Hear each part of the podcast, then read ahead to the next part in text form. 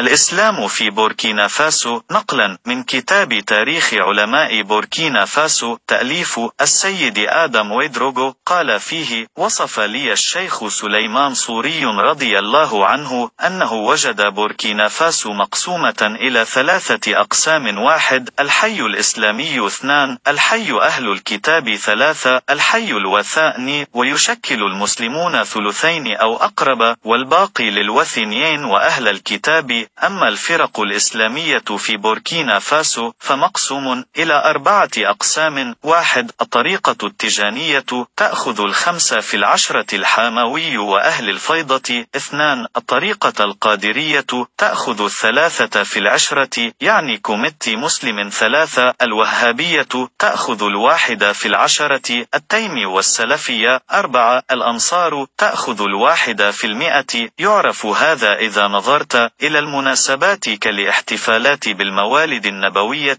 والنظر إلى أكابر العلماء ثم النظر إلى المساجد والصفوف فيها حكي أن الشيخ عمر الفوتي ظل يجاهد في بلاد السودان وفتح عواصمها ونشر فيها الإسلام وقد هاجم غانا وسنغال ومالي وأدرجها في المملكة المرابطين ولم يزل يجاهد إلى أن وصل إلى بلد من بلاد مالي المسمى قورو بتفخيم القاف والراء قريب من بوركينا فاسو وقال في نفسه لا أجاهد مع هؤلاء القوم يعني بوركينا فاسو لأني لو جاهدتهم أقتلهم هدرا لم يدخلوا في الإسلام أبدا إلا برغبتهم لأنهم معزومين على ما هم عليه ولذلك أتركهم لعلهم يتوبون بأنفسهم ويتوب الله عليهم فتركهم ورجع دخول الإسلام في بوركينا فاسو أما دخول الإسلام في بوركينا فاسو كان على يدي التجار المتجولين الذين ينقلون البضائع والسلع التجارية من غانا ونيجيريا ومالي هكذا وهكذا حتى عم نور الإسلام في جميع أنحاء بوركينا فاسو.